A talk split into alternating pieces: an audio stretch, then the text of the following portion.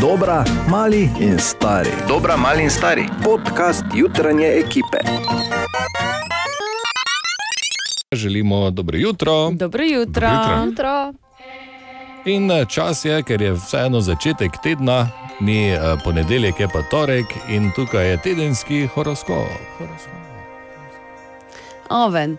V naslednjih dneh bodo napetosti nekoliko popustile in uspelo vam bo uspešno dokončati vse naloge in obveznosti, zato vas konec tedna čaka nekaj časa za uživanje. Bik. Tudi vi boste imeli občutek, da je najnapornejše za vami. Odprti boste za nove ideje, prav tako pa vas bo v tem tednu spremljala velika mera ustvarjalnosti. V spredju bo predvsem družina. Dvojčka, jasno se vam bodo pokazale stvari, ki so bile do zdaj nekoliko skrite. Začutili boste olajšanje in pa tudi veliko več energije boste imeli. Rak, hitro in uspešno boste dosegli svoj namen. Ničesar ne boste prepustili na ključju, kar boste v zelo hitrem času, oziroma ker boste v zelo hitrem času rešili ogromno stvari, vas lahko obdaja občutek, da se stvari rešujejo kar same od sebe. Vendar ne pozabite, da ste za vse zaslužni vi. Lev, prestop Venere v vaše znamenje bo še dodatno okrepilo vašo karizmo. Zelo dobro se boste zavedali svoje moči, zato zunanje dogajanje ta teden na vas ne bo imelo nobenih vplivov. Devica. Naporno poletno obdobje vas bo ta teden še dodatno spodbujalo k spremembam in kreativnim rešitvam. Jasno je, da potrebujete več miru in počitka, kljub temu vam ne bo ošla nobena podrobnost. Tehnica, odprti boste za nove ideje, vendar ne pozabite, da se najboljše ideje pojavijo, ko ste sami. Čas je, da se za trenutek umaknete od ponorelega sveta in se ponovno posvetite ljudem, ki vam v življenju res nekaj pomenijo. Škorpion, pri vas bodo stvari tekle kar tekoče in kar naenkrat se bo zdelo, da je življenje ponovno hitrejše in veliko lažje. Napetosti minulega meseca bodo popustile. Strelec, vi se boste ta teden osredotočili predvsem na partnerske odnose in se s tem rešili kar nekaj pritiska, ki se je v vašem odnosu kopičil že kar nekaj časa. Kaže se nekaj novosti tudi na poslovnem področju.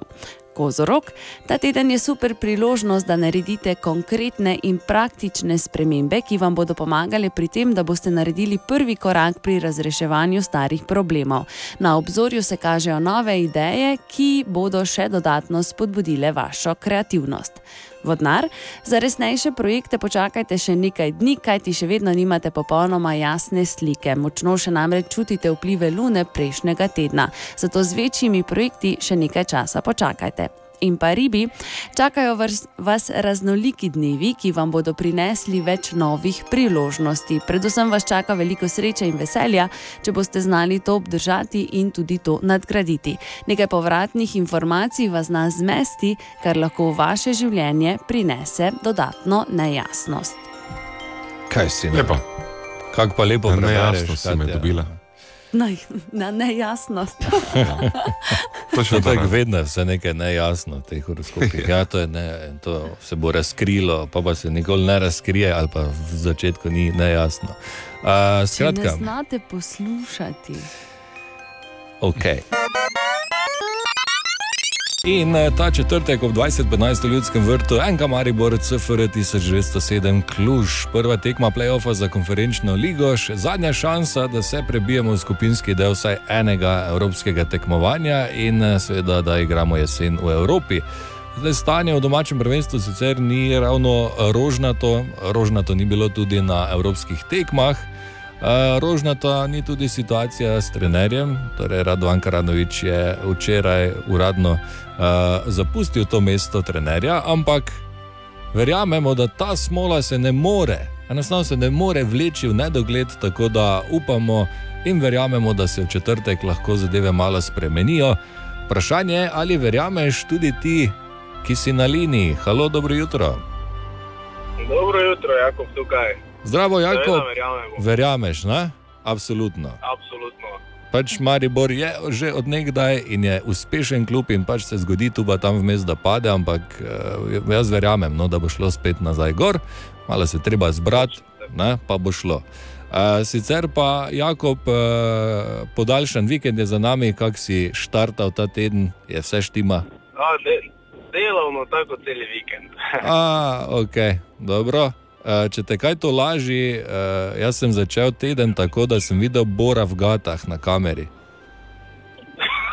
Dobro, slabše kot pri meni. No, evo. Jakob, eh, dve karti sta tvoji v četrtek, torej pridi v ljudski vrt, navijaj in pomagaj, da damo enih 700 golov. Okay? Najlepša hvala, se vidimo. Ni problema, adijo. Jutranji sprehod po zgodovini popularne glasbe. 9 minut pred sedmo, čas je za JSPZPG, prvega v tem tednu, in eh, danes praznuje 64. rojstni dan Madonna. Oh, 64, škaj je to? ne. Je otrok, ne? tako pomisliš malo. Kaj pa te 64 danes je? Skoraj bi lahko bila tvoja mama, v teoriji, Bor. Ja, Lah, lahko bi bila, gled, ne, ko so bili časi taki drugi in čudni. Ok, Madonna, potem ko je umrla mama in ko se je oče na novo poročil, je postala precej uporniška, ampak kljub temu se je pridno učila, ker je imela v sebi močno željo, da nekaj naredi iz sebe, da nekaj postane. Ne? Tako je recimo trenirala balet, bila zelo uspešna v plesu in s tem se je njena karijera počasi začenjala. Kmalo zatem se je preselila v New York, kjer je delala kot natakarica in v prostem času plesala. Potem je bila bobnarka, bila je kitaristka, bila je pevka v bendih The Breakfast Club in Emmy. In sama pravi, da če ne bi bila pevka in plesalka, bi bila nuna. Kaj? Zdaj, če je to res ali ne, ne vem, ne, ali če se je ona šalila ali ne. Uh, ampak tako je rekla. No? In uh, prvič se je tetovirala, ko je pri 62 letih, torej predlani, in sicer uh, dala je prve črke imen svojih šestih otrok. Gor, ne? Šestih ima. Ja. Uh, sicer pa torej zelo uspešna glasbenica s 700 milijoni hitov.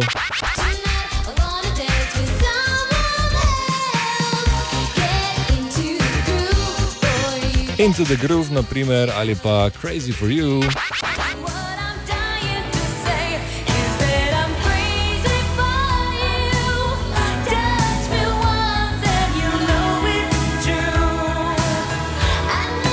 Ali pa Vogue.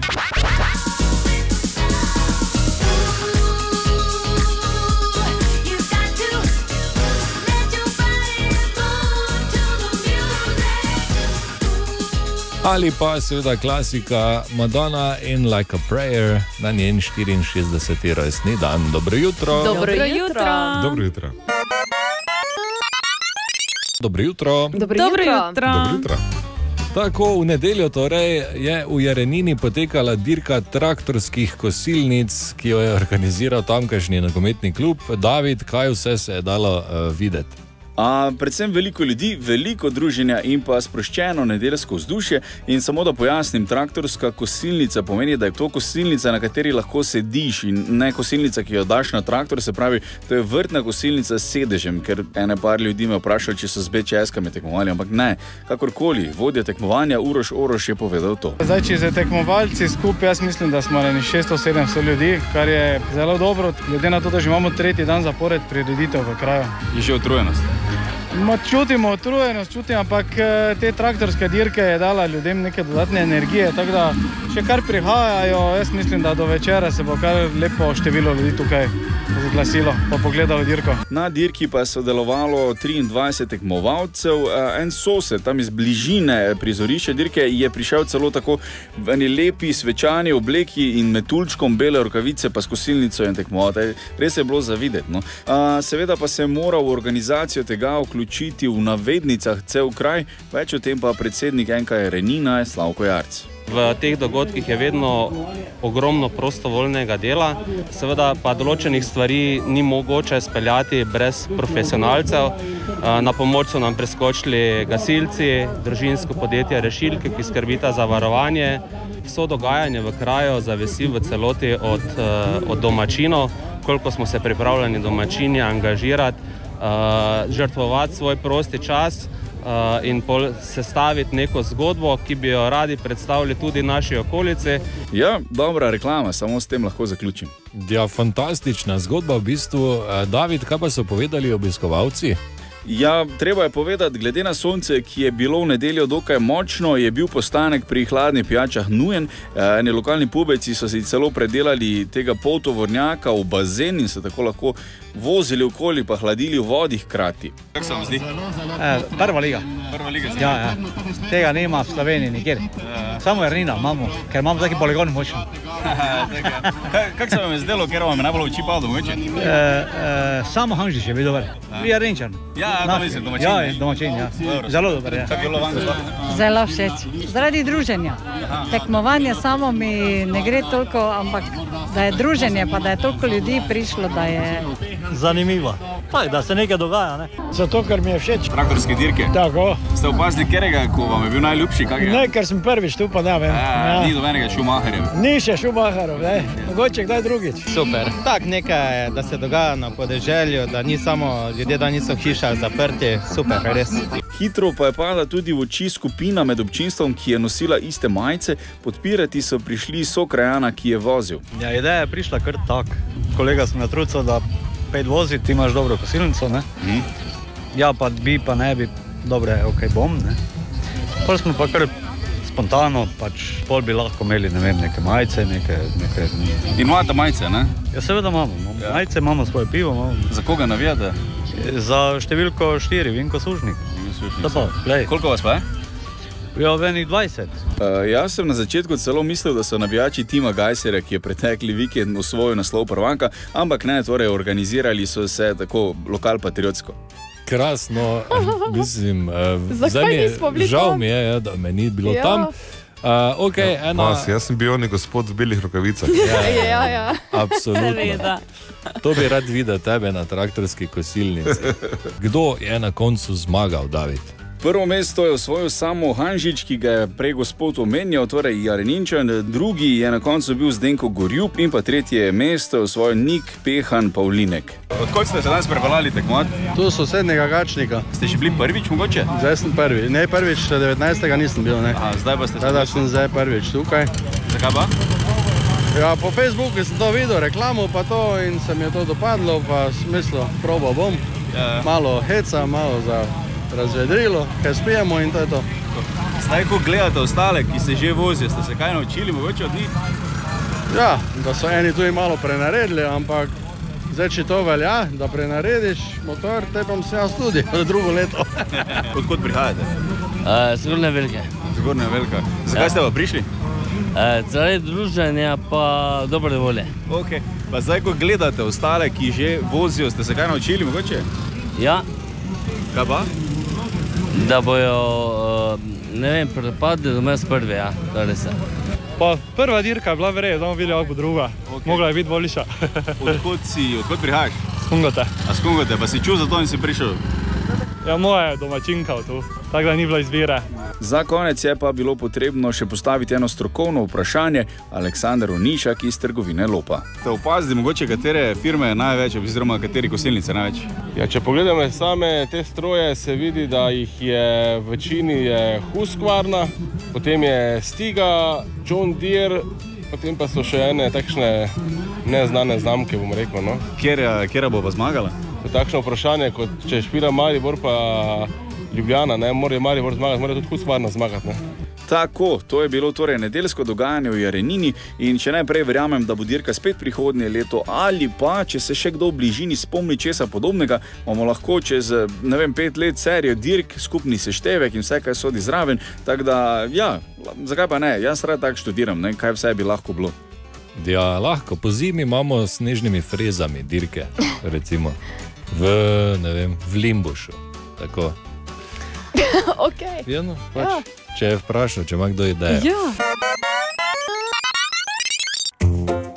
Torek je 16. august in eh, tukaj spet Jaša Lorenčič, eh, zdravo.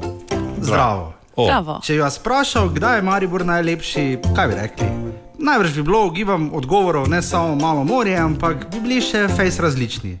Recimo za Sarajevo pisatelj Miljenko Jergovič piše, da je bojda najlepši v avgustu. Saj, zato pa imajo takrat filmski festival. Kaj pa mi? No, vse vemo, na što se smo itak celo leto. Čeprav prejšnji teden je bilo še smešno, ko se je fuzbal lestvico okolo obrnilo in je bil Maribor od zadaj prvi, vse narobe. Pa zlata lisica enkrat januarja, drugič februarja in skoraj zihari v Krenski gori. Božnikovo srečanje smo dali iz oktobra na juni, lent je tu in pol lentu, Martinovo smo imeli celo že dva dni, božične lučke pa prižgel novembra. Zdaj se pa znajdi. Ampak sicer pa je Maribor lep tudi na take dneve, kot je bil še ta en praznično podaljšan vikend. Ko je mesto ena taka mirna šetnja, ko se vse samo še bolj ustavi in ja, ko se mesto sprazni. Vem, lahko bi zvenelo, da je Maribor najlepši, ko je nas in vas v njem čima in eh, ne no, ni to, ampak pa še pa, ta neki skoraj poduhovljeni mir, ko si prisluhnemo in ko si pomagamo. Recimo, da boste vedeli za naslednjič, če vam bo kaj pomagalo, meni je ta na svet od kolega za predpraznični šoping, ko je bila res sila in gužva in šok, res prav prišel. Nikoli nas, pi štiri pire, preden greš po fasungu, nikoli, ker boš dal vsaj 100 evrov več, kot si mislil. E, zato je naše mesto po svoje vedno tako lepo. Ne kdaj, ampak kak. Ja, samo Mariboru. Hm. Meni je Maribor najlepši, vedno razen poleti. Razen poleti. Ja. Res? Ker je prevroče in ne maram poletja, in ker nimam klime. In, ja. Pa še to. Kaj? Kaj? Pa še to, po mojem, ne, vse je lepše, če si sit. Ne? To je tudi res. O, Tine! O, Tine, ampak Tine na dopustu. Tako da jaz prevzemam, kot je to standard, ker mi je Tine dovolil že pred časom, enkrat lani. Ja, zdaj bi se Ne, to premenoval v oglej sniga. Oglej. Oglej. Jaz, Tine Križanič, rojen 29. februarja 1976 leta, s tem posnetkom pooblaščam cenjenega Markota Frasa, da prevzame moj termin o Tine. Zavedno. Wow. Uh, tako da rečejo deepfake, ne, mimo Ja, ja, ja. Okay, uh, te pa gremo. Ne? Imamo, ko sem jaz tukaj, imamo dve zanimivosti. Prva je navadna, druga je živalska. In navadna je ta. Vilice so bile včasih v očeh uh, cerkve do 18. stoletja bogokletni pripomoček in grešil si, če si jih uporabljal. Zakaj? Ne zato, ker izgledajo kot vile in jih ima hudička vile. Ne? Eh, Cerkev se je namreč držala načela, da je Bog dal ljudem naravne vilice prste. Okay. Kaj te, tak, od kazalca do prstanca jih dvigneš, vse tri izključno sredince in pa pikaš not mesa. Ne, pač vse so s prsti jedli, ne? z rokami. In s tem je povezana tudi ena zgodba iz leta 1004, ko je na poroki v Benetkah grška nevesta uporabila zlate vilice.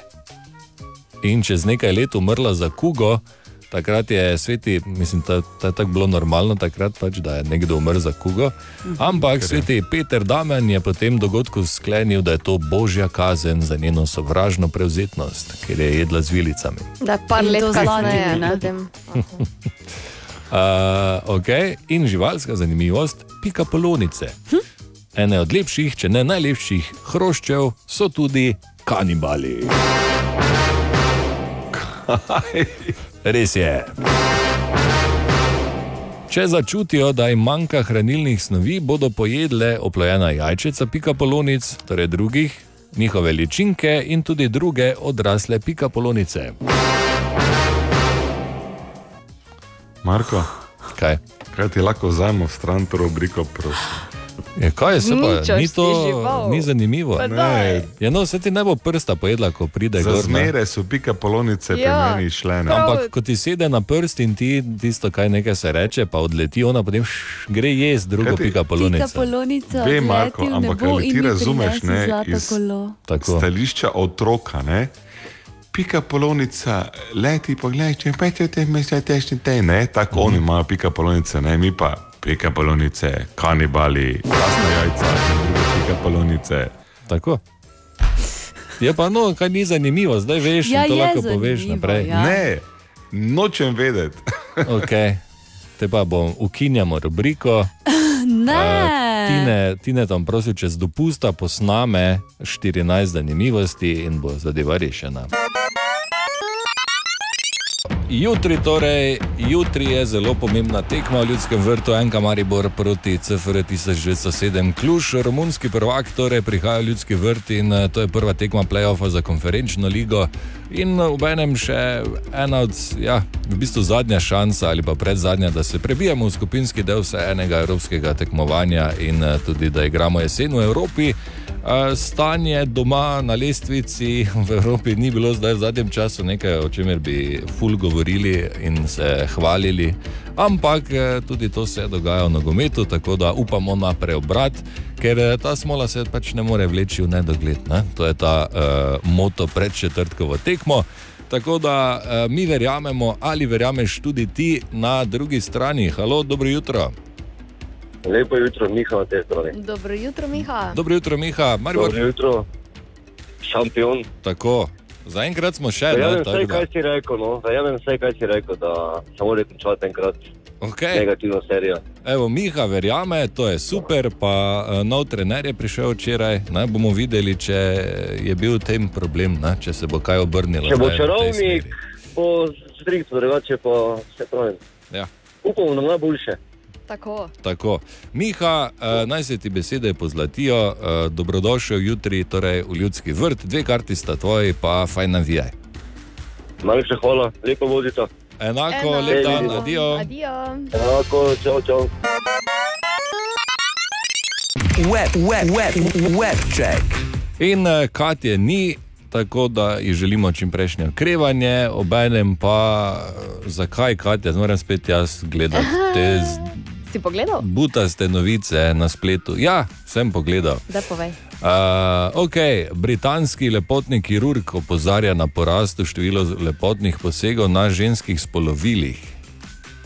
In uh, velika večina se jih zato odloča zaradi trenutno modernih oblačil, ki so zelo, zelo oprijeta, kar povzroča nelagodje tam spodaj. Obenem pa opozarja, da se lahko te operacije, kot vsaka, tudi ponesrečijo. Uh, en, en primer je bil, ko je ženska žal izgubila uh, torej vso, vs, kako se reče, ni več nič čutila pod pasom, tako da se izrazim, zaradi te operacije. Uh, Alec Baldwin je spet v središču pozornosti. FBI je razkril, da Alec je pritisnil na petelina in lani obil Halino Hutchins na snemanju filma Rast. Malo zatem pa so medicinski izvedenci sklenili, da je šlo za nesrečo. Tako da tudi to se nadaljuje, ne? ali je ali ni. Enka Maribor je medtem dobil novega trenerja, to je postal 50-letni hrvaški strateg Damir Krznar. Raziskava je pokazala, da je sladoled bolj zdrav kot granola ploščica. V tem primeru čokoladni sladoled posud z oreščki proti granola ploščici s kokosom in čokolado. Ne, kot eh, mnogi to jedo za, uh, za zajtrk ali pa malico. Ja. Mogoče boljše, not, ne. Ja. mogoče boljše, da si sladoled, ne, kar narediš za zajtrk. Lej, pa še mleka ne rabiš, ker je tako že sladoled, verjetno No. no. če mlečni. Evo, rešeno. Uh, kitarist Pink Floydov David Gilmore pa prodaja svoj kontroverzen dom, ki ga je kupil pred nekaj leti in ga preuredil in sicer za 18 milijonov dolarjev. To pa res ni. Ne? Lepo, ne? Ki denar, ko se reče. Ne, ne Bor. bor, ne bor. Lahko kupiš. Sekundo, samo prosim, Dave, call me. okay. Web check. Junija so bile misli o šoli še daleč stran. Ampak zdaj, zdaj je šola samo še dva tedna stran in eh, tukaj je spet kopija nova dan na Radio City in to pomeni več stvari.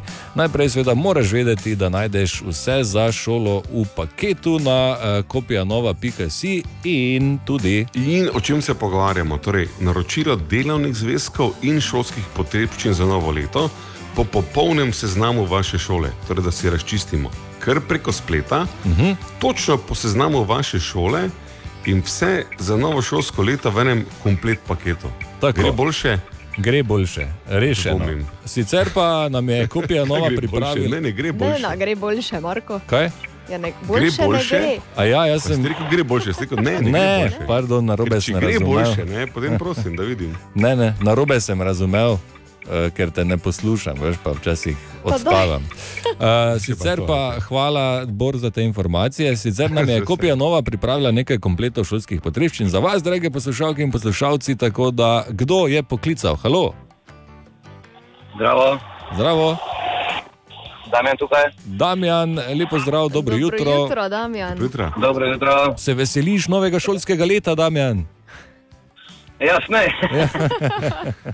v bistvu fulke, grejo v šolo nazaj, da je največ gledal. Tako, ok, uh, Damjan, uh, komplet šolskih potrebščin je skoraj že tvoj, pred tabo je samo še ena šolska zgodba od Ane, ti pa moraš povedati, če je resnična ali ne. Zelo preprosto. Tako da, če si pripravljen, Dobro. Damjan, Lahko. okay, Lahko? Ana izvoli. Ok, Damjan, ja. Ja. poslušaj. V srednjo šolo sem hodila na tretjo gimnazijo, poleg ljudskega vrta. In prva dva letnika smo imeli pouk popoldan, zato smo med poukom sošolci izmenično hodili na WC, da smo z četrtega nadstropja skozi okno gledali tekme Enka Maribora. ja. Ja? Damjan Ja. pravi ja. Drži. Damjan, bravo! A res je. Je pa kak si vedel? Upam, da se bo jutri to odvilo v pravo smer. Ja, Ja. tudi to. Bi bilo fajn. Uh, Damjan, iskrene čestitke, evo, komplet šolskih potrebščin Hvala. je tvoj za malo boljši vstop v novo šolsko leto. Na? Najlepša hvala. Ni problema, lep dan še naprej. Adijo. Enako. Dio. Adijo. Komplet paket. Dio. Seznam delovnih zvezkov in šolskih potrebščin za vašo šolo in enostavno naročilo za novo šolsko leto. Vse za šolo v paketu. Nakupja nova.si. Ena od treh, treh, treh. Jutranji sprehod po zgodovini popularne glasbe. In je sedem minut pred sedmo, dobro jutro. Dobro jutro. Dobro jutro. Čas je za JSPZPG in danes rojstni dan praznuje Belinda Carlisle in sicer 64. rojstni dan, tako kot eh, včeraj Madonna, ne? sta kar blizu. Uh, Belinda Joe Carlisle, torej ime je dobila po najljubšem filmu njene mame, uh, Johnny Belinda. In uh, pri 42 letih je recimo pozirala za revijo Playboy, ne pri 21 ne, ali pri 25. Zanimivo. Odraščala je v zelo revni družini, sama je povedala, da je ime, imela kot najstnica v lasti samo dve obleki, eni še tega nimajo. Ne? Pri 19 letih se je podala v glasbeni svet, ampak ne kot pevka, pač pa kot bobnarka skupine The Germs, izjemno ime. Uh, najbolj znana kot članica skupine GoGo, ki je bila prva ženska skupina, ki je dosegla vrh ameriške lestvice. Do leta 2005 se je borila tudi z odvisnostjo od uh, alkohola in drog, nehala je, ker je tako povedal glas. Hvala glasu. Nehaj. Ja, tako je prišel mimo, pa je rekel. Ja. Izdala je tudi svojo avtobiografijo z naslovom Lips Unsealed. Tako da Belinda Carlisle ima nekaj velikih hitov na zalogi, kaj bomo poslušali, naprimer Circle in the Sand.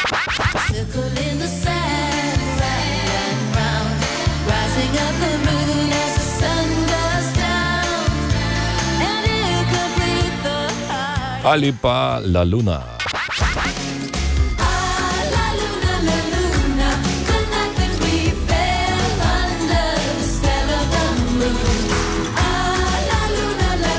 Ali morda Live a Light on.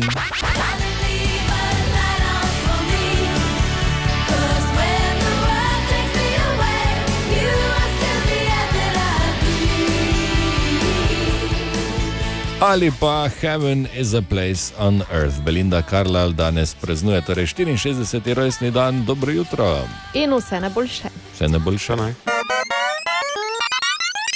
Dobro jutro želimo. Dobro jutro. Dobro jutro. Dobro jutro na slovenski praznik z zelo dolgim imenom. 17. august je danes dan združitve prekmurskih slovencev z matičnim narodom po prvi svetovni vojni ali priključitev prekmurja matičnemu narodu. Tak da, Ali krajše eden tistih praznikov, ki ni dela prost dan. Bi pa moral biti. tako. Še enkrat želimo dobro jutro, Ana Bore Dobro jutro. Dobro jutro. In pred časom smo v Mariboru dobili še eno novo območje, kjer je mestna občina Maribor uredila belo cono in eh, to se je zgodilo na Plinarniški ulici. Zdaj je seveda tukaj mnogo vprašanj, ali Mariborska občina načrtuje dodatna parkirišča, kako je z belimi conami v Mariboru, kaj še lahko pričakujemo v prihodnosti, ali lahko pričakujemo, da bo središče mesta kmalo brez avtomobilov. Odgovore na to ima, upam, da Tanja. Verjetno lahko v daljni prihodnosti razmišljamo tudi o tem, čeprav je samo središče brez avtomobila za tiste, ki dnevno migrirajo tja zaradi službe oziroma drugih opravkov iz oddaljenih krajev, verjetno misija nemogoče. Da parkirnih mest v središču mesta primankuje, je razprava, ki traja že nekaj časa, pa vendar bi naj po zagotovilih občine parkirnih mest bilo dovolj. Razlaga Andraš Mlaker iz sektorja za promet, komunalo in prostor na Mariborski občini. Bele cone kot take namreč primarno omogočajo mestu in pa občanom, da lažje urejamo prosta parkirna me- mesta, predvsem za stanovalce in ne toliko za obiskovalce. Poudaril je, da gre pri širitvi belih con tudi za enega izmed ukrepov trajnostne mobilnosti, pa vendar slišati je bilo tudi mnenje, da občina bele cone širi samo z namenom, da zasluži. Prihodek iz vidika vzpostavitve bele cone vsekakor je, ampak namen bele cone ni prihodek mestne občine Maribor, ampak predvsem zagotovitev boljšega reda na področju mirujočega prometa. Vedeti namreč moramo, da s tem lahko mi lažje in boljše reguliramo promet, eh, zato tudi planiramo, da bomo še v bodoče širili bele cone. Imamo tudi že strategijo širjenja belih con, tako da iščemo alternative, eh, pripravljamo projekte za zagotovitev dodatnih parkirnih mest, tako da bomo lahko vsem obiskovalcem in pa stanovalcem omogočili neko optimalno rabo površin za parkiranje. Smo se pa za dodatno mnenje občank in občanov odpravili na ulice in jih vprašali, kaj oni menijo o širjenju belih con. V središču mesta jaz mislim, da bi moglo biti malo več brezplačnih parkirišč. Ljudje hodijo urejati razne zadeve, tega je premalo, bela cona se pa širi že vse posod. Se popolnoma strinjam za uvedbo novih belih con, ampak kot alternativo bi pa bilo potrebno poskrbeti za brezplačna parkirišča na obrobju mesta in za ustrezen avtobusni prevoz v sam center mesta. Moglo bi biti brezplačno vse. Ne, ne podpiram tega.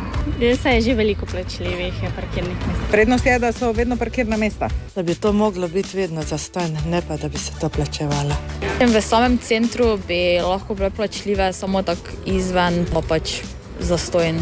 Po mojem mnenju bi moralo biti več parkirnih mest za ston. Večina ljudi se pripelje v mesto z avtom. Hmm. Okay, jaz, jaz verjamem, da v, ideal, v idealnem svetu je bilo kul, cool, da je bilo vse za ston, ampak to ne gre skozi. Uh, se pa strinjam, kot je rekel en gospod, da uh, recimo pri teh, um, kako bi rekel, pri teh stavbah, kjer ljudje grejo nekaj hitro opraviti, ne, da je bilo mogoče malo več teh modrih con, ne? Pa ja. ne za 15 minut, zato ker 15 minut ti čakaš samo v neki vrsti, Vrsti, noter. tako. Tako da Dobrodošli v ne vem, Mariboru, ja. pač za eno uro, da je malo več teh plavih con, da lahko dejansko se pripelješ in ne rabiš plačati, ne vem koliko, ne, pa upraviš to, pa greš. Zdaj, če pa pač si cel dan v mestu, pa pač plačaš, ne, parkirnino in uh, je to to. Uh, ok. Kaj pa lahko pričakujemo v prihodnosti, je v načrtu gradnja oziroma ureditev kakšnih dodatnih parkirišč? V načrtu je sicer, da naj bi do leta 2025 v Mariboru vzpostavili tako imenovani železniški trikotnik, gre pa za 6 hektarjev veliko območje na južnem robu Evroparka, ki je bilo nekoč namenjeno odlaganju pepela parnih lokomotiv, tudi avtobusnim garažam kasneje. No, občina tam vidi priložnost za razvoj mobilnostnega vozlišča. V načrtu so tri železniška postališča, pa tudi park and ride parkirišče z okrog 1400 parkirnimi mesti. Zaenkrat je v načrtu, časovnica pa je dokončanje tega vozlišča do leta 2025. Okay. Dobro, če bo tam parking za 1400 avtomobilov kul, cool, uh, samo naj počaka, da bo najprej parkirišče, potem pa vse dol zapirajo, pa delajo bele cone po celem mestu, pa vse. To je moje mnenje. Dobro jutro. Dobro jutro. O, Tine! Dobro jutro želimo, Dobro jutro. oziroma želiva, Tako, Bora sva izgubila. v tej rubriki. Tako ne navadno, ampak zdaj že, eh, mislim, sploh me ne preseneča več, ko gledam ta prazen stav in z mikrofonom in v zadju roža Fikus. in kavč. Sameva. Ja, Ja. čudno je. Okay, uh, Tineta še vedno ni, torej je na zasluženem dopustu, tako da jaz prevzemam z dvema zanimivostma. Prva je navadna. Dobro. In uh, danes taka bolj za tiste, ki uh, igrate video igre. Igravci video iger so namreč skupno preigrali, preigrali 25 milijard ur igre Call of Duty. To je enako dvema milijonoma in 850 tisoč let, kar je dosti. Dosti? To je zelo dosti. To je ogromno.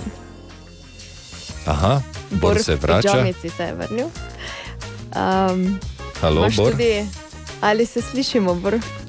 Dobrodošel v ogromno službi. sem se odzval. Za... A Ja. Mhm.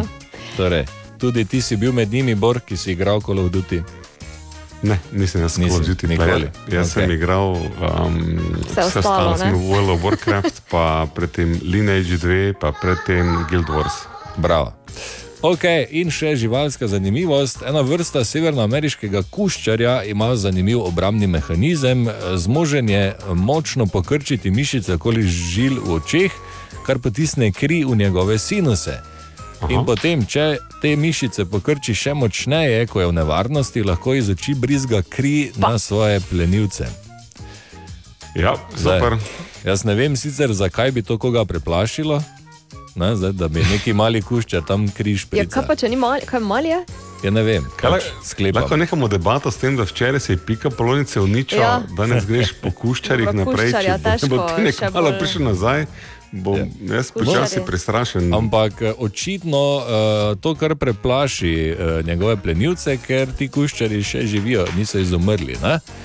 Sicer pa to tehniko uporabljajo tudi zato, da si ščistijo oči, če se jim njih zatakne kakšen tujek, ne? jim trepalnica pade not, kar naenkrat. Čudovito, Marko. Ja, hvala lepa. Hvala ti. In ni zakaj. Narečja so zakon. Ha, kva, koga, kaj? Ma ne razumem. Ja, narečja so zakon, juhu, dobro jutro. Dobro jutro. Zadnje smo iskali narečne verzije te povedi, umakni svoje dolge noge, ker ne vidim televizije. Bort je znano. Ne, ker eh, ne gledam televizije. Aha, ok, te pa nič. Kaj pravijo poslušalci? Zdravo, sem Anja z okolice Murske sobote, pri nas pa pravimo, mekni te dolge čople, ker ne vidim televizije. Bogaj, jaka zobrža tu, prinos pa temu rečemo tako. Ne vmekni to te duge toce, če ne te televizije ne vidim. Zdravo, jaz sem Sandi, jaz sem z Jablonc, pri nas se pa reče, da mekni tote svoje duge tace ali pa haksne bek, ker na televiziji čist nič vidim. Dober dan, jaz sem Svetlana iz Beltinec, pri nas so eh, rekli tako: Mekni te svoje dolge toce, pa ne mrem gledati televizije. Bog daj, timu te pri nas rečemo, da vmekni to te duge toce, sploh ne vidim televizije. Tako, hvala lepa, Anja, Jaka, Sandi, Svetlana in Timotej za te izraze. Uh, tukaj še nekaj izrazov z Facebooka. Mekni to te dolge noge, ker kar na televiziji vidim. Vmekni to te dolge prakole, ker ne vidim televizije. Daj, bek te dolge gambole, da bom videla televizijo. In uh, v kraj ide s temi dolgimi tacami, ker ne vidim televizije. Pa seveda, tako je, vsi vemo, pa noben ne zgovori, da je spip s temi dolgimi haksnami, da lahko vidim. Haksnami. To pa prvič slišim, zanimivo. Res? Haksne so tace, noge. Pa ti, ko imaš haksne. Jaz sem haksne, dobro. Uh, v redu, hvala lepa, Bor, za tvoj prispevek. V tem tednu pa iščemo narečne verzije te povedi. Štorklja je iz gnezda vrgla tri mladiče. Kaj pravite vi trije? Te pača? Pravimo, žalostno. Je, čakaj, da povem izraze, kam, kam rineš naprej v četrtek. Uh, kaj pravite vi trije? Te pača, ta citurnitas in štruc. Jaz bom No, ta, ta Tepača? citurni tas, bi jaz bila. Ta citurni tasa. Ja. Kaj vam povemo, kako provimo ali ne? Ja, povej. Ja. Štorkla je ven z gnezda, Z gnezda. z gnezda, ja. Ne rečete z gnezde. Z gnezda, ne z gnezda je. A, prleki. To zdaj ni grda beseda, Kaj mogoče bo tako Marko? zvenelo, ampak ok. Štorkla je ven z gnezda fuknila tri mlode. Okay.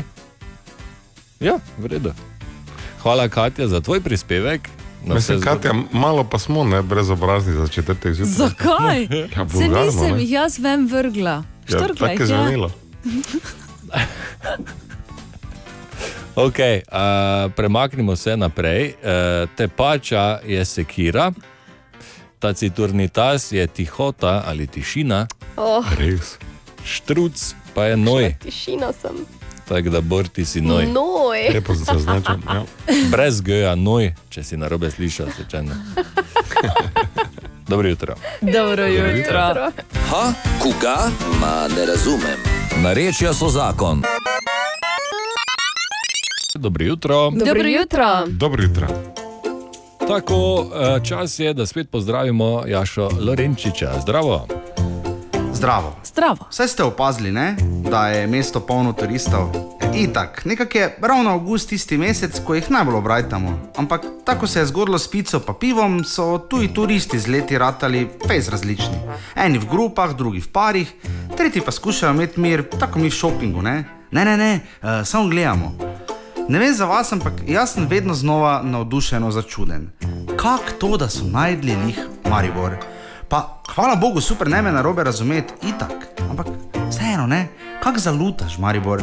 No, nam se je na dan, ko je NK Maribor dobil novega trenerja, torej kaj predvčerajšnjim, zgodilo, da smo nabasali na par iz Zagreba. Itak, tako novi trener, ne? Kar naenkrat se je ti pri mizi poleg, kjer sta z drago imela naslonjen mobitel na krigl, da sta itak gledala stream tekme Dinama, no, on se je znašel v naši debati. Ok, super, valjda skušaš biti gostoljuben, ampak ni bilo nobene potrebe, ker je tip sam bil res vljuden. Izkazalo se je, da smo nabasali na modela, ki je o nas, o Mariboru, našem futbalu, Sloveniji in vsem vedel več kot skoraj mi vsi skupaj. Pa sta bila prvič v Mariboru, stara tu, kaj te vem, cirka 30. No, on nam je razlagal o Prešernu, pa da je Saša Vujačič razbil zobe Goranu Dragiču in da je bilo že njim tam v okolici Zagreba jasno, da bomo mi v košarki na dolgi rok harali, ker smo imeli oddajo o ŠKL tam v 90-ih. Noro. Ampak potem je pa padlo tisto glavno vprašanje. Zakaj sta sploh prišla v Maribor? Pa tak, z busom, nikoli še nismo bila, ne, ne, ne, samo enkrat prespiva. Predvsem pa, da sta prišla zato, da nešeta domov še en futbalski šal. In smo se valjda režali, pa kak glih zdaj, ko smo zadnji. Ne? Ampak najboljše je bilo pa res tisto, ko sta na vprašanje, če sta zdaj torej v tem dnevu, ko sta prišla Maribor, že bila na glavnem trgu, Lentu, Stara Trta, Park, Piramida, karkoli, odgovorila, da v bistvu Maribor je tak face lep. In takrat, ko ti ne odgovori direktno vprašanje, ne rajš več vprašati, samo malo počakaš. Sami povejo, da smo taki nepričakovano fajn. Ja, samo Maribor. Samo Maribor. O, Tine! Tine uživa na dopustu, uh, pooblastil je mene, da povem zanimivosti. Dobro jutro. Dobro jutro in se Jutro. veselimo. Tako, hvala lepa, Ana, se nekdo, ki ceni to, za razliko od Bora, recimo, ki se krega, da je on pooblaščen. Ne? Ne, niti nimam te aspiracije danes. Aha, danes. Danes, sem ja, tam si posodo, če- danes. Mm -mm. Ja, Okej. okay. Le četrtek je, ne rabim dodatnih problemov. Veš, Ja, ja, razumem. Četrtek je, tekma je zvečer, zadnja evropska šansa, od tega je tudi za nas, ki ne maramo nogometa preveč, uh, rekel je. Mnogo odvisno, ker se razpoloženje mesta kroji po teh nogometnih rezultatih. Tako da vse, kar jaz ne rabim danes, je še to, da mi Marko tu očita, da ga rušim pri zdravo tine, ko je on Marko, ne pa tine. Ker je moglo biti logično, samo ker ni, bom pač tiho. Mi je žal, da sem sploh kaj rekel, ker si eno minuto zdaj govoril. Ja, prosti. Gremo, naprej se premaknimo. Raziskava je pokazala, da se 6 odstotkov ljudi, ki so ločeni, še enkrat poročijo z isto osebo. In čeprav imajo dvakrat poročeni visoko možnost za ponovno ločitev, je ta možnost 30 odstotkov manjša, če se še enkrat poročijo z isto osebo. Ah, zanimivo. Torej, če se drugič Vladimir poročiš- Rokavina, tebe gledam. Kaj? Ja. Aha. Taki zveneč primer tega, ne? Dobro. Gogo. Ja. Narodni oče. Ja, pa Vidiš, jaz je ne pameten. poznam je njegovih osebnih zadev. Ja, in zakaj bi o tem govorili? Kaj še imaš, Marko? Ja. Uh, živalska zanimivost, seveda. Uh, ime živali je smešno, ne vem kako se izgovori, aj, aj, ali pa aj, aj, a, y, e, Po a, mojem, moraš malo e. višji ton. Aj, aj. Aj, aj. Je ena vrsta lemurja, ki živi na Madagaskarju, ima zobe, kot jih imajo glodavci, in njihovi zobje vse čas rastejo. Je tudi največji primat, ki je aktiven po noči, Glej, kako je. zelo grdi. Na sprednjih tacah oziroma rokah ima zelo dolg sredinec, ki ga uporablja pri iskanju hrane. Ja. Namreč eh, hrano išče tako, da trka na drevesa, da najde bavce, Sredincem. ja, potem z zobmi naredi luknjo v ljubje in na to s tem dolgim sredincem bavce potegne ven. Dajte, če imate priložnost, dajte si prosim pogledati to žival, Je ta kar, ja. sredinec. Ja, mislim, res vrhunski. In eh, te lemurje na Madagaskarju redno ubijajo, takoj ko jih vidijo, ker verjamejo, da če ta dolgi sredinec uperi v kakšnega človeka, postane ta človek preklet in bo umrl. Tako, Ejo, pa super. boge. Čestitke vsem, Ja. zato ker jih je na svetu samo še okoli 10 tisoč največ ravno zaradi tega. ogrožena vrsta. tako. Ja. Uh, to je to za danes. Dobro jutro. Dobro jutro. Dobro jutro. Aha, aha, aha, aha, aha, aha efekt. Dobro jutro želimo. Dobro jutro. Dobro jutro. In eh, Bor odgovarja na vprašanje Oskarja, ki ga silno zanima, zakaj imamo pri nas ob regionalnih cestah makadamske bankine, po evropskih državah pa tega nimajo, tam je zelenica do asfaltne površine. Ja. Dajmo skupaj malo razmišljati. Torej, kar se avtocest tiče, tu so predpisi jasni, standardi postavljeni, zato ker je hitrost, mora biti ceste široke, vse je v redu. Popridemo pa do teh regionalnih cest, ker mi vidimo, da v enem idiličnem švicarskem tam uh, podnožju, planoti, kra, krajini. Gre trava čisto do ceste, pri nas pa ne. ne. In po človek razmišlja, kaj se je tu zgodilo, da imamo mi makadam ob robu nasud, oni pa ne da ni zdaj, nima metra v roki, ampak jaz bi skoraj špekuliral, ne, da je makadam na sud malo ceneje kot pa cesto imeti široko. Ja, se strinjam. Ob tem bi samo še pripomnil, da so evropske ceste bistveno ože kot ameriške. Američani celo so znani potem, ker se je ta folklora ali pa moda razširila iz New Yorka po celi državi, da so celo vmes med obema pasovoma, ki, ki gresta vsak v svojo smer, naredili še en širši zeleni pas. Tako da, če imaš plac, lahko vse. Če nimaš ne placa, ne denarja, imaš pa malo makadama. Pa malo grsenjero. Uh, in še eno bonus dejstvo, veste, zakaj se reče makadam? Ne. Yes, McAdam. Tako. Uh, to je konstrukcijska oblika ceste, ki si jo je izmislil škot John London McAdam. Tako da je makadam. Toliko Hvala. veš. In izvolil. Še hitro, katerega leta, Marko? Uh, se, de, de, de, ne vem. 1820 nekje. Okay. Hvala. Dobro, Ali tudi vi pogosto totavate v temi? Aha, efekt, da boste vedeli več. Dobro jutro želimo. Dobro jutro. Dobro jutro. Tako, eh, pretekli teden so v plotnici iz eh, vodovodnega omrežja odklopili približno 300 gospodinstev med 22. eh, zvečer torej, in 6. uro zjutraj. David je bil tam na terenu, David, kaj točno se tam dogaja? Ja, enostaven odgovor bi bil zaradi suše. In kot so sporočili iz eh, občine Oplotnica, so tamkajšnji vodni viri površinski in zato precej odvisni od padavin. Seveda vodo na novo dovažajo v sistem vsak dan. Tudi sam sem na cesti srečal eno gasilsko cisterno, ki je zelo verjetno bila na tej poti. Eh, Zelo verjetno pa bodo te redukcije tudi veljale do obilnejšega deževja. Do takrat pa torej veljajo prepovedi za zalivanje, polnjenje bazenov, pranje in polivanje cestišč ter dvorišč pranje avtomobilov ter drugo ne nujno rabo. In kljub temu, da je to že nekaj časa velja, je vode torej še vedno zmanjkovalo, zato so se odločili za nočno redukcijo vode 300 gospodinstvom. Zdaj še je res potreba. Ne? Ja, pa mislite, da je? Mislim, da je, ker eh, ta eni tudi po noči zalivajo. Ne? Ja. Pridejo popoldne službe in eh, Ampak to je po 10 uri. ja, po deset je pa tam do, pač, da je mu kdo cajt. ne. Kakšni so kaj odnosi med sosedom, zdaj če niso dobri odnosi, da pa zato že on zaliva, jaz pa ne smem zalivati. pa Take, ne, se. Eni tudi avto pere, vidimo mi doma. Mi doma z vodnjaka vlačimo vodo ven za zalivanje. Ne. Imate lasno, ne? Ja, greš gor naprej, 100 metrov, en avto je pere. Ne. Ja. Kako se vam to zdi? Vredi, Redi zga. vredi. Ja, zato ker je boljše, da je podnevi, da je podnevi, da zmanjka. Ne? Samo teba se tako prej natočiš, pa kaže zdaj. Da se ja naprej natočiš. Ja, tudi to so nekateri, so resni, nekateri ne. Nekateri jo znajo uporabljati, nekateri tudi ne. Mhm. Tako da je tudi čisto odvisno od ljudi. Pa kako mislite, da bo kaj prešparala za občino, če sem po noči odklopil? Sigurno. Koliko pa? Eno četrtino, sigurno. Zdaj, če bojo vsi resni. Ja, ljudi že malo umrejo, za ne vem, kako. Pa so po noči, po noči je brez vode, vodni pa. Tako je. Jaz tule tudi zalivljam, sem z grob na nosim, tam le, da si zalejem tudi te rože. Saj, pač da mi je skal sem imel, da pa da bi kar tako, da tisto tako ne zalivljam, pa je tako. ne glih najboljš. No. Zdaj eni ne hodijo hiter spat, pa se bolj pozno tuširajo. Pa, ne vem, včasih kdo po noči pere. Vredi. Zakaj pa? Ja, da se špara malo, ne? Pa mislite, da se kaj prešpala, če po noči ste k nam Pa po mojem se. Vse? Če nekateri zalivajo po noči, ne vem. Samo jaz mislim, da je to vredi, no? da Ja. imaš vsaj čez den vodo, ko se kuha, pa takle pred službo, da lahko narediš. Tako da ja, naj le pride ta dež čim prej.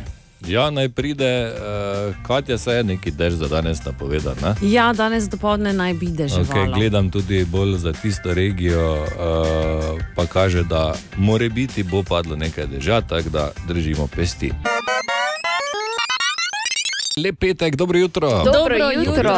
Web, web, web, web check. Katja, zelo me zanima, kaj se dogaja v svetu slavnih. Prosim. V svetu slavnih je recimo Liam Hemsworth ponovno samski. Dobro, to me ne zanima. Ja, mene zanima. Ne. Aha, Premislila čakaj, je. samo. Pš. Kaj si rekla?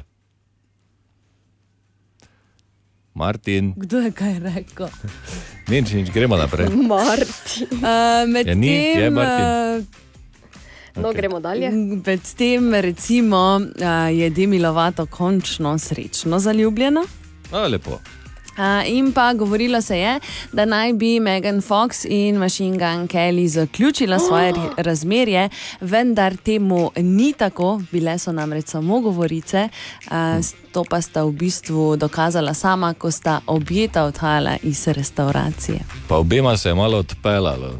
Ja. ni? Ali je bilo vedno tako, ne vem, zadnjič enkrat sem videl, da je Machine Gun Kelly v, si razbil kozarec na glavi in potem je krvavel in je vseeno še imel koncert zraven, je tam nekaj hodil, okoli v neki roza obliki. Ja, se, yep. Mislim, da odkar sta skupaj, imata tako posebne ideje. Aha. Eh, tudi svojo eh, različico laka za nohte sta recimo izdala, za, ki je primeren za oba spola. Ja, imate vedno isto nalakirane nohte. Oh.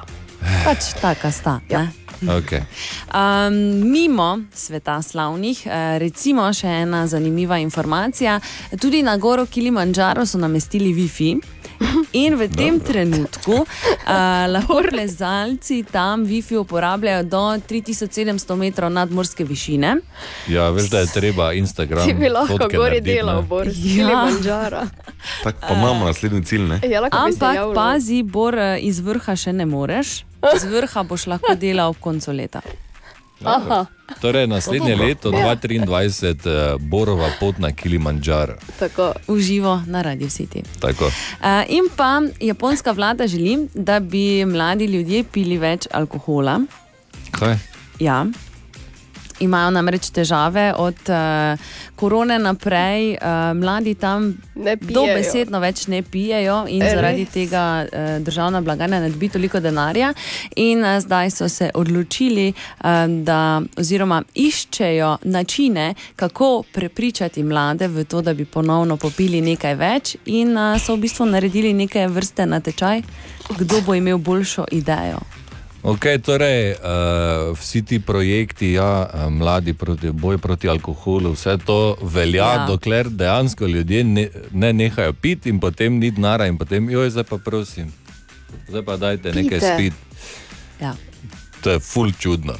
Ampak eh, hvala za te informacije in seveda me ne toliko čudi, zato ker je le japonska. 6 in 27, dobro jutro. Dobro, jutro. Web check. Ena od treh, treh, treh. Jutranji sprehod po zgodovini popularne glasbe. Dobro jutro želimo. Dobro jutro. Dobro jutro. Dobro jutro. 8 minut je pred eh, sedmo, čas je za še zadnji JSPZPG v tem tednu in eh, danes eh, praznuje 77. rojstni dan eh, Ian Gillen, uh, frontman skupine Deep Purple. Purple, ne? Deep Purple. Oziroma, kot jo vsi poznajo, samo po tistem kitar, mislim, ne samo, da ne bo zdaj kdo rekel, ampak vsi. Najbolj ne. Vsi ljudje na svetu, tudi če ne poslušajo te glasbe, pač poznajo tisto, ne, ko vsi špilajo na kitar. Tako. Uh, ok, Ian Gillen, torej uh, sin skladiščnika. Leta 1973 je sicer zapustil Deep Purple in se pridružil skupini Black Sabbath. V zgodnjih le- glasbenih letih ga je navduševal tudi Elvis Presley, sicer pa Deep Purple držijo rekord v Guinnessovi knjigi rekordov za najglasnejšo skupino na svetu. Za koncert leta 72 v Londonu, ko so dosegli 117 decibelov. To lahko Bor malo boljše razloži, kako glasno je to. To je dosti. To je dosti. Evo, to Nočeš dovolj. biti tam. Ja, verjetno so vsi gluhi od tistega koncerta naprej. ne. Uh, Ja, odvisno, ki so stali, ne? ampak vse, kar je, vse, kar je nad zvočnika. 85, ne, ne pazi, vse, kar je nad 85 decibela, že nevarno za sluh. Ne? S- 115 decibelov je pa. Je pa Pogumno. jaz mislim, da če si tam na tem koncertu bil, gotovo so bile posledice. Ne? Da, ja, nažalost. Uh, Smoke on the Water pa ima edinstveno zgodovino. Uh, to se je napisalo takrat, ko so bivali v hotelu, ko so bili na turneji in opazovali, kako gori stavba na drugi strani jezera. Mm. Tako da, Smoke on the Water. In kaj bomo poslušali?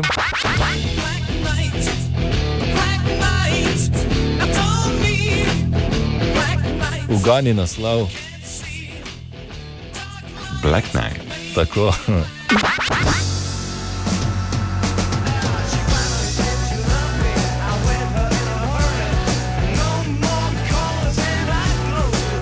Ali pa Strange Kind of Woman, ali pa tudi tega. Child in Time. Bor. Kaj, Ja, če pa ne- malo pa poznam, ne Čakaj, zdaj bo. Ajde, Bor.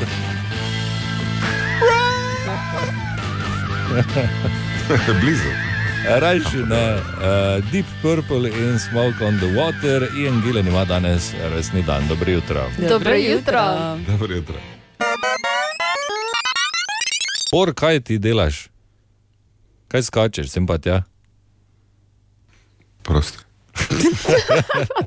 Dobro jutro. Dobro Dobro Dobro jutro. Petek je, ura je 10 minut čez sedmo, veste, kaj to pomeni. Ne?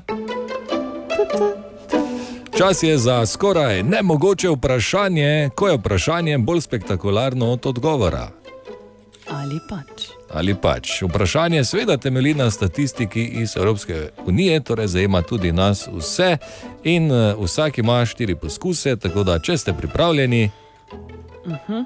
kdo je na zadnje zmagal, Bor? Ja, Vala da jaz. Okay, kdo bo zmagal danes? Ja, vala da jaz. 85 odstotkov vseh v Evropski uniji naravnost ljubi von tega, 15 odstotkov pa je prepričanih, da to ful smrdi. Kaj je to? Čebula. Čakaj, zdaj samo. Kaj si ti rekla? Benzin. Benzin. Kaj si ti, Ana, rekla? Čebula. Ne? Wow, benzin je ful dober poskus. Tartufi. To je tu, bravo. Vsi še imate tri? Delavec. No, gremo naprej. A ni namigal, ali kaj na meni? Uh, ne, še, še imate Jaz tri mislim, da če omejujemo te poskuse, lahko namige damo. Ne, Uh, rekel bom, da ni nek predmet ali zelenjava. Evo. Ko pa daj, Ali, ali je to, eh, lahko imam vprašanje? Ja. Je ta von se spremenja ali je vedno enak? Ne, mislim, če ti bo nekdo dal to za povohat, boš vedela, kaj Okej, je. Pri, dobro. mislim, so variacije, seveda, ampak Razumem, ni pa okej. zdaj, da je bil vsak dan. Sir. Ne, ni hrana, A evo ja. to vam dam na mig. A da ni. Ne, ni.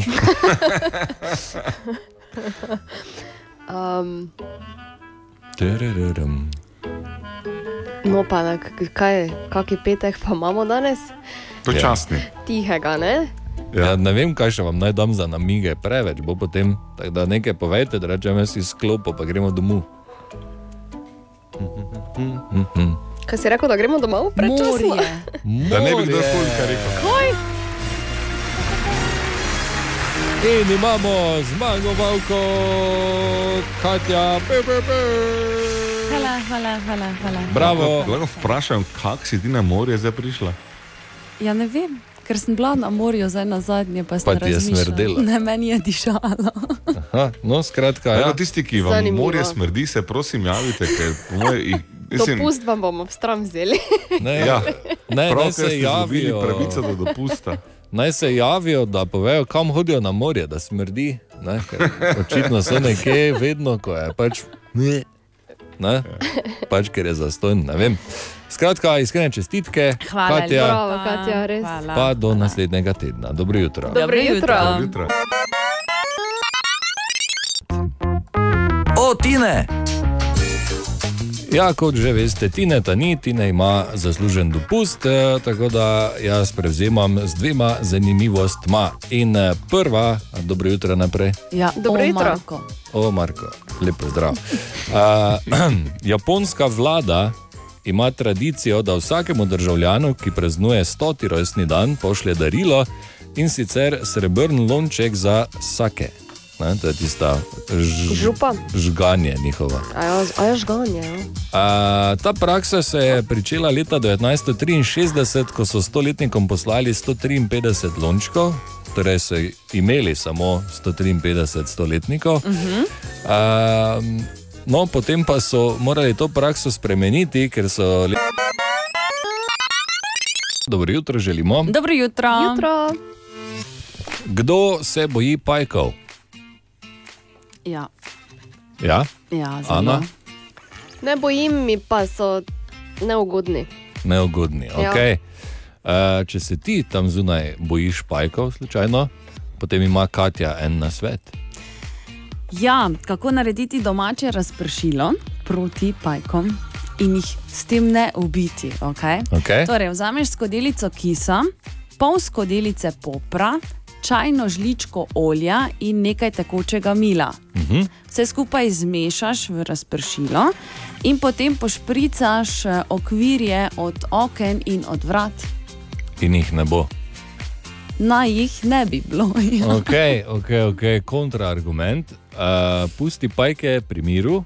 Zakaj? Ker eh, potamanijo vso uh, smrčes, ki ga de, zagotovo ne želiš v svojem domu. Ne, Jaz imam raje muhe, kopajte.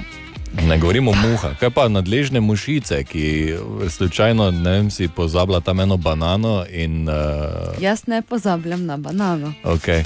Kaj pa tudi, tudi ose tedna. eh, se zapletejo včasih v mreže. Glej, karkoli, samo da ni pajek. Jaz tudi nisem zdaj tak, da bi, eh, joj, glej, pajka, bom ga zdaj imel na roki, pa da bo hodil po meni. Ne, to ono, mm -mm. Ampak imam ono tako vedno, če si tam v kotu, pa ne prideš blizu mene, smo ok. Ne, tam bodi, pa pogledam vsake toliko časa, pa vidim, da ima sedem mušic, no, je super. Prav. Dokler ga vidiš, je vse ok. Ja. Ja. No, uh, tako da pajki so koristni, ne? razen en, en, včeraj, kdaj sem ravno videl slučajno eno uh, serijo fotografij, kjer je ena opisala uh, potek uh, ugriza in sicer to je Reclus Spider, eden od uh, najbolj strupenih na svetu. Uh, mislim, da je tri mesece se je, se je zdravila, ker, je, ker ima taki strup not, da uh, razžere meso na Oh, telesu. Ja, in je tri, tri, tri mesece je bila na zdravljenju.